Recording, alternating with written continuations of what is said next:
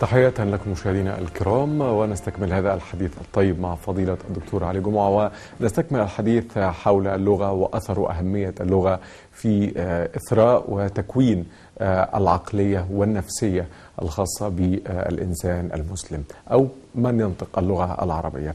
فضيلة الدكتور أهلا بكم. أهلا وسهلا بكم. أهلا وسهلا بحضرتك. مولانا الآن بعد ما تقدمت حضرتك في حلقة سابقة وتحدثت حول أهمية اللغة في هذا الإطار الآن كيف توصف وضع اللغة العربية في مجتمعاتنا المعاصرة؟ بسم الله الرحمن الرحيم الحمد لله والصلاة والسلام على سيدنا رسول الله وآله وصحبه ومن والاه.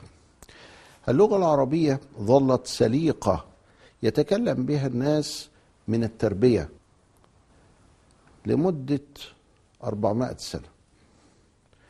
يعني من لدن الرسالة وما قبلها طبعا إلى أربع إلى سنة 400 هجرية. ال 400 هجرية كان يحدث في بلاط الأمراء والملوك والسلاطين والخلفاء والولاة والحكام والأغنياء. استضافة للأعراب الذين يتكلمون العربية بسليقتهم. لا يحتاجون إلى تعلم لا يحتاجون إلى مصطلحات يعرفون بها الفاعل المرفوع والمفعول المنصوب أبدا هم يتكلمون بالسليقة هكذا. ولكن من اختلاطهم وذهابهم ومجيئهم إلى هذه الأماكن في الشام وفي مصر وفي الحجاز أيضا وبعدما دخل الصحابة يعني بعدما دخل التابعون بقى مش الصحابة يعني. جيل الصحابة كان يتكلم العربية كما كان لكن من التابعين أقوام من الفرس ومن الروم ومن المصريين ومن الهنود. كل دول كانوا من التابعين.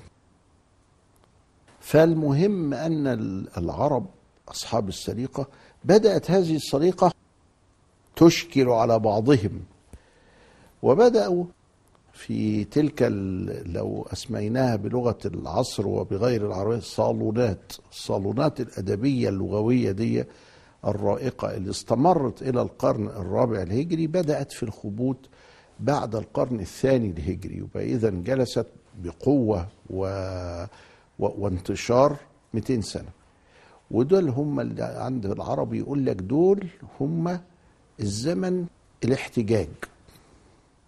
يبقى هناك فرق ما بين زمن الاحتجاج 200 سنة ولا زمن السليقة 400 سنة. في 200 سنة بعد الاحتجاج بدأ الناس تتشكك. هي انفحة ولا أنفحة؟ فيقول الأعرابي حتى أسأل مشايخ قبيلتي. واحد من كلب. هو فصيح بس الحتة دي أشكلت عليه. قال طب استنى لما أسأل الناس العواجيز بتاعت القبيلة بتاعتي. هي انفحة ولا أنفحة؟ فراح فأجمعوا أنها انفحة بالكسر كده ما هياش بالفتح. بس حكاية حتى أسأل بتبين ليك الجو المحيط بهذه القضايا. ما يروى مع سيبويه وأنه استنكر لسعني الزنبور. ظننته كلسع النحل فإذا هو إياه. فسيبويه قال لا هو هو. فإذا هو هو.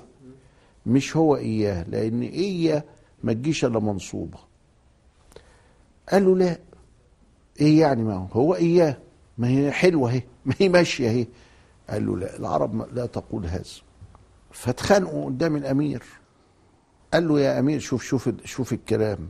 يا أمير المؤمنين الأعراب ببابك. يبقى الأعراب بيجوا هم وبيقعدوا عند باب الأمير واكلين شاربين نايمين علشان يرجع ليهم. ويأخذ منهم فصيحه العربيه قل لهم. فالتاني راح رشاه عطاله رشوة قال له قول كده فإذا هو إياه. قال فإذا هو هو هو هي فإذا هو هو فإذا هو هي. طب قول إياه مش عارف يقول. على السليقة أهي. قال له طيب أنت كده هتفضحنا. لما قول قل هذا من هو هيقول هو هو وأنت تقول وأنا أقول هو إياه فتقول الحق مع هذا بس. تكذب يعني.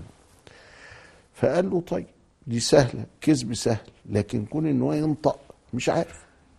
مش عارف ينطق لأنها السليقة. فالمهم دخلوا على الأمير قالوا آه، قول كده. قالوا قالوا أنت بتقول إيه؟ قال له فإذا هو هو قال له أنت بتقول إيه؟ قال له فإذا هو إياه الحق مع هذا. فسيبويه يقول للأمير؟ يا يا أيها الأمير قل له ينطقها لا يطاوعه لسانه. لسانه مش هيرضى يجيبها. يبقى إذا ده خلاص سليقة مش عارف ينطقها. أنت عارف لما يكون في شوية حروف متلعبكين كده ومش عارف ينطق مش متعود عليها. قال له خليه يقولها. فالتاني عمل هيصة وبتاع.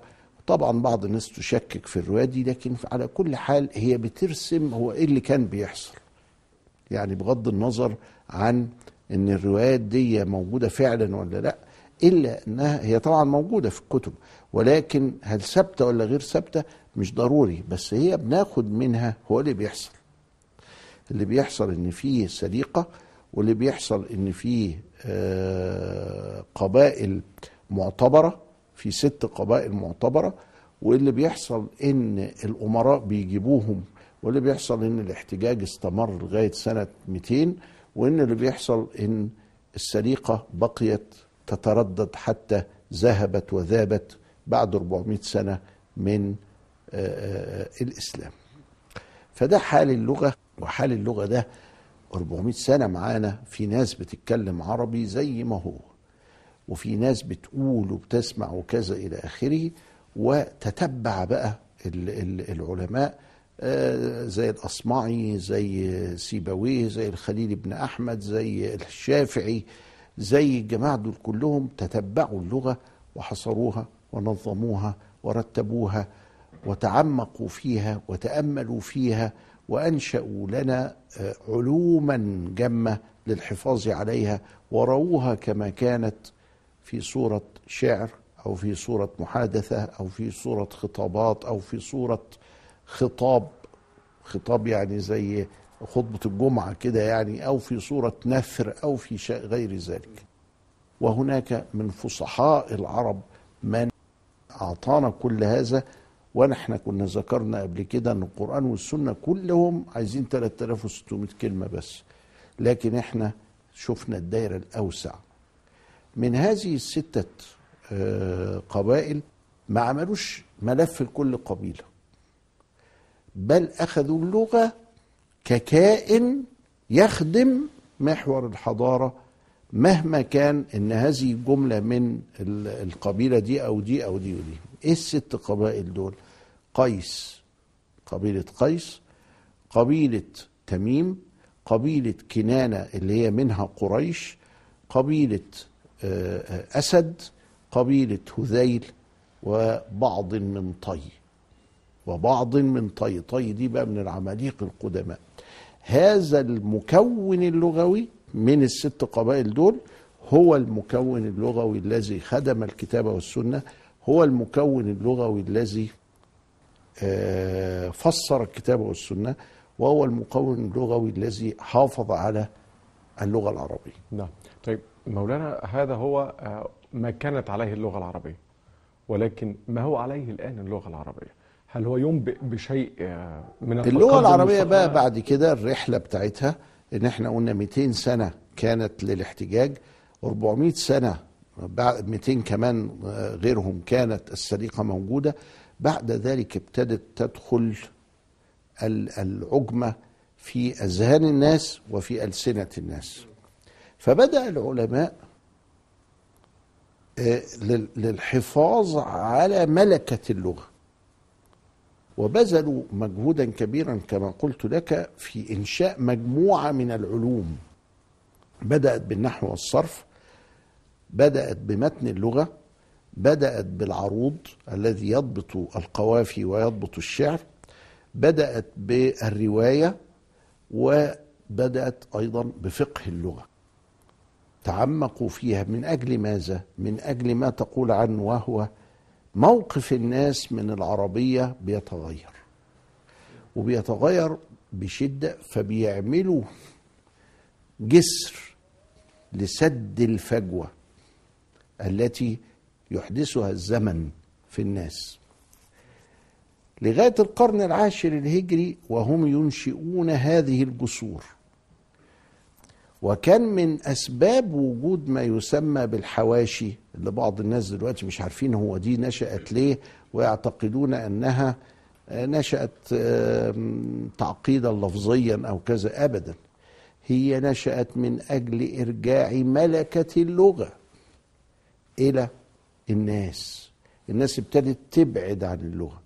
فالحواشي قالوا لا خلي بالك ده في هنا قاعدة اوعى تنساها ده في هنا تصريف اوعى ما تاخدش بالك منه ده في هنا اشتقاق يجب عليك أن تحافظ عليه في ذهنك حتى تفهم بعمق ده في هنا قاعدة يجب عليك إن أنت تتمسك بيها. فالحواشي نشأت مع القرن العاشر الهجري من أجل ملكة اللغة العربية. لغاية ما وصلنا إلى القرن ال11 وال12 وال13 وجدنا بقى مشاريع النهضة تتعلق بهذا. لما حسن العطار جه في أواسط القرن ال19 ميت سنة 1842 يعني ميت ومحمد علي باشا لسه عايش. وأتى بحوزة يعلم الأولاد ملكة اللغة العربية التي دعا إليها مرتضى الزبيدي في أواخر القرن السبعتاشر التي دعا إليها عبد القادر البغدادي في أوائل القرن السبعتاشر ألف وسبعمية يبقى القرن الثمنتاشر ده في بدايته ده في أواخره وده في أواسط القرن التسعتاشر. كلهم بيرجعوا مرة تانية ملكة اللغة العربية. فضل الحال على هذا. الشعر تدهور تدهور كبير في دراستنا للشعر لغاية ما ابتدى ناس مطبوعين ابتدوا يظهروا وابتدوا يجددوا وابتدوا يرجعوا للغة العربية رونقها وجمالها. منهم محمود سامي البارودي مثلا. لما تتأمل في الشعر قبل محمود سامي البارودي تجده شعر تافه. شعر ما فيش معاني. لكن في شعر محمود سامي البارودي ابتدى يرجع إلى حالته الأولى ويرجع إلى المعاني العميقة ويرجع إلى التجربة الإنسانية ويرجع أيضا إلى فصاحة محمود سامي له أربع مجلدات سماها مختارات البارودي اختار فيها الأشعار التي راقت له الأشعار بتاع البحتري بتاع أبو تيمام بتاعت امرؤ القيس بتاع كذا إلى آخره التي هزته التي تفاعل معها عبر السنين. فدي مختارات البارودي أربع مجلدات لكن هو نفسه له ديوان في مجلدين. الديوان اللي في المجلدين ده لما تشوف أول قصيدة فيه مثلا تجدها قصيدة رصينة متينة ليست كما هو كان شائعا قبله أو كذا. صلة الخيال على البعاد لقاء لو كان يملك عيني الإغفاء يا هاجري من غير ذنب في الهوى مهلا فهجرك والمنون سواء. يعني شيء شعور لأنه الشعر جاي من الشعور وليس نظما زي ما كان. هي نظرة فمنا علي بأختها فالخمر من ألم الخمار شفاء. كلام رصين ما كانش متعودين عليه. بعد ذلك دخلنا في قضية أخرى. أذكرها لك إن شاء الله. بعد الفاصل يا مولانا. تقييم بقى حضرتك للعام اللي إحنا فيه واستخدام اللغة العربية. هل كانت عليه كما كانت قبل محمود سامي البارودي؟ أم ذهبت إلى ما هو أبعد بكثير بعد الفاصل إن شاء الله ابقوا معنا. بكم مرة أخرى. الآن مولانا في العصر الذي نحن فيه آه، من الصعب على الإنسان أن يتحدث بطلاقة اللغة العربية. الإنسان العادي يعني ليس من أهل الأزهر يعني ولا من علماء الدين يعني ولكن الإنسان العادي. يصعب عليه أن يتحدث لبضع دقائق باللغة العربية الفصحى أو أن يكتب لغة عربية فصحى. فبالتالي أولا ما الذي أدى بنا إلى هذا الحال؟ وثانيا ما هي مآلاته؟ بعد ما وصلنا إلى محمود سامي البارودي ظهر شعراء أقوياء للغاية وعلى رأسهم أحمد شوقي وأيضا حافظ إبراهيم والعقاد وأمثال هؤلاء من آه، فحول الشعراء كما يقولون وأحيوا اللغة العربية. في هذا الخضم كان هناك محاولة لجر مصر إلى التغريب الكامل والشامل. وهذا آه، آه، رأيناه أن محمد علي باشا ولأنه أدرك أن اللغة العربية والفكر وجهان عملة واحدة صمم أن تكون دراسة العلوم باللغة العربية. ولذلك أنشأ مدرسة الألسن وجعل رفاعة بيك يترجم كل ما ترجم وكان الطب يدرس في باللغة العربية. كان هناك طبيب كبير عندنا مصري اسمه حسن باشا الرشيدي. حسن باشا الرشيدي لما ألف كتابه المنهاج في طرق العلاج أربع مجلدات مين اللي صححه؟ الشيخ محرم.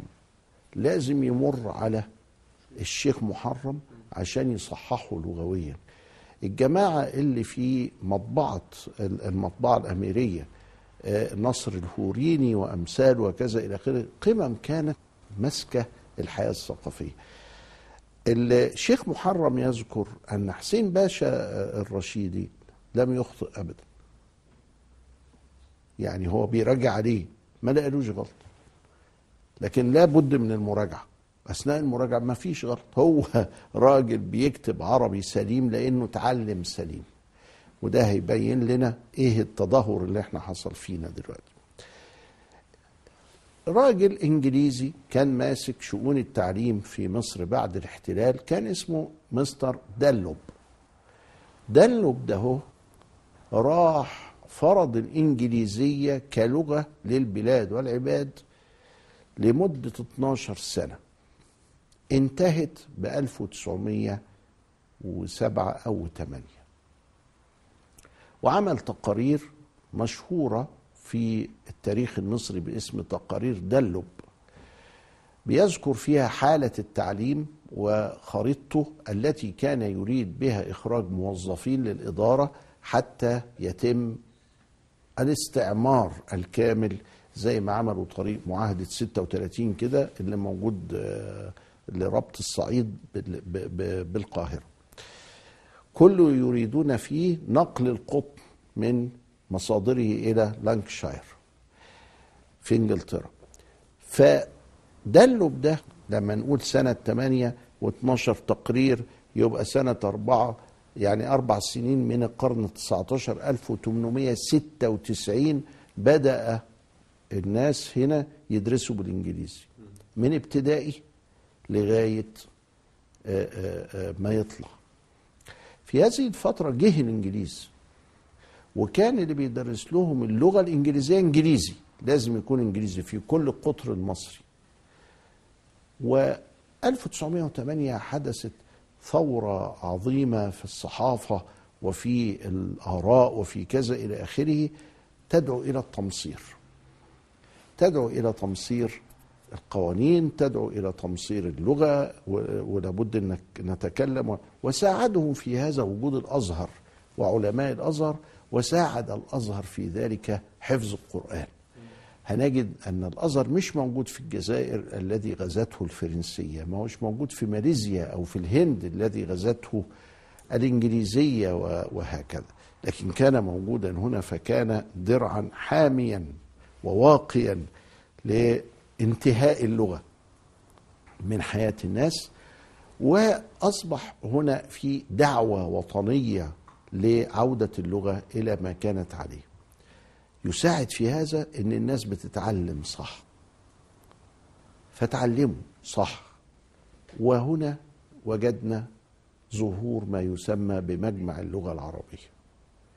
ومجمع اللغة العربية جاء بعلماء العربية ال ال ال ال الأساطين في العالم كله. رأينا فيه ماري أنستاس ماري الكرملي العراقي رأينا فيه بعد ذلك الفرنسيين رأينا فيه المستشرقين رأينا فيه أساطين العربية مثل أحمد الإسكندري الإسكندراني أحمد الإسكندراني ده كان حجة في اللغة العربية. عارف كان بيشتغل إيه؟ مدرس ابتدائي. وكان عضوا في مجمع اللغة العربية. تخيل بقى إنه أحمد الإسكندراني هو اللي درس لك. خلاص مش هتنسى مش هت... ابدا. بيقول لك كلام صحيح. يضع قواعد الإملاء في المطالع النصريه نصر الهوريني اللي كان ماسك في أواسط القرن ال19 مطبعة الأميرية.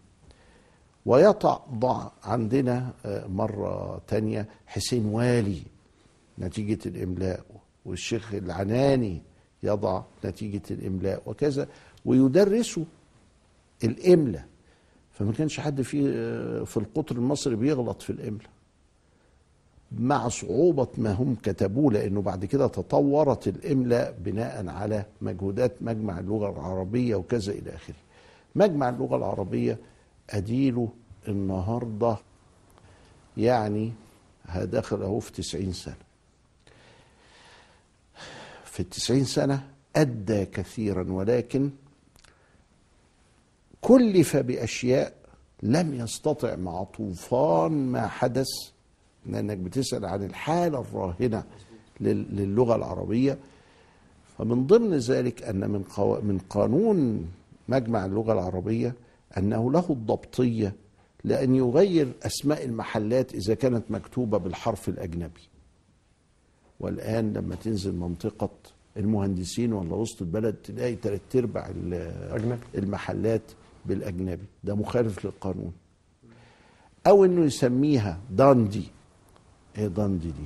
داندي دول طائفة من المتحذلقين ظهرت في أوروبا وهذه الكلمة تجدها في كل اللغات الأوروبية معناها المتحذلق اللي هو التريشيك اللي هو الايه الأنيق جدا يعني. فالمسمي المحل دندي علشان بيعمل كده. ف يعني ولو الناس عرفوا إنه دندي معناه متحزلق ما كانش راحوا يعملوا كده ولا كانوا سموا روحهم كده. أنا عايز أقول لحضرتك إيه السبب؟ التعليم. إحنا أهملنا التعليم اهمالا جسيما حتى إن آخر المتعلمين تعليما صحيحا من آثار الملك فؤاد ومن آثار الملك فاروق ومن بدايات الثورة انتهوا. آخر جيل طلع سنة سبعين. بعد كده اللغة انحدرت انحدار شديد حتى في أواسط الشباب وهم بيتكلموا المفردات اليومية. وأصبح من كان زمان في الأندلس يتفاخر أحدهم أنه يتكلم العربية. وإذا سار في الأسواق على صوته بالعربية عشان يبين للناس أنه هو يعني حاجة محترمة. فعملوا كده بس في الإنجليزي. كانت الأول الطبقة الأرستقراطية تتكلم إيطالي وتتكلم بعد كده فرنساوي لكن دلوقتي أصبحت الإنجليزي هو اللي إيه يعمل وبعدين يدي لك لهجة كده أمريكاني قال يعني الواد إن هو نمرة واحد يعني. ده هذه الثقافة السيدة اللي ساعد فيها الإعلام هذه الثقافة السيدة التي خلا فيها التعليم والعالم لا يعرف الفراغ هي سبب هذا التدهور اللغوي وبالتالي التدهور الفكري وبالتالي القطيعة المعرفية بيننا وبين حضارتنا وبيننا وبين البناء عليها وبالتالي عدم إمكانية الإبداع. يعني كل هذا مولا حضرتك تتوقع بأنه ربما في غضون العقود أو القرون القادمة ستكون الهوية العربية في خطر بعدما آه، انهارت مقومات اللغة الع- العربية عندها ومقومات التفكير العربي عندها. عندنا في على وجه الأرض حوالي 5000 لغة. بتعمل الأمم المتحدة أبحاث على هذه اللغات لأن وبدأت تخرج ما يسمى بموت اللغات. وموت اللغة معناها موت آخر المتحدثين بتلك اللغة. كل 21 يوم بتموت لغة. كل 21 يوم بتموت لغة. بتموت لغة من من الخمس ال تلاف 5000 لغة في العالم. وخطورة ذلك على البشرية أن مع هذا الموت فقد مات تراثها.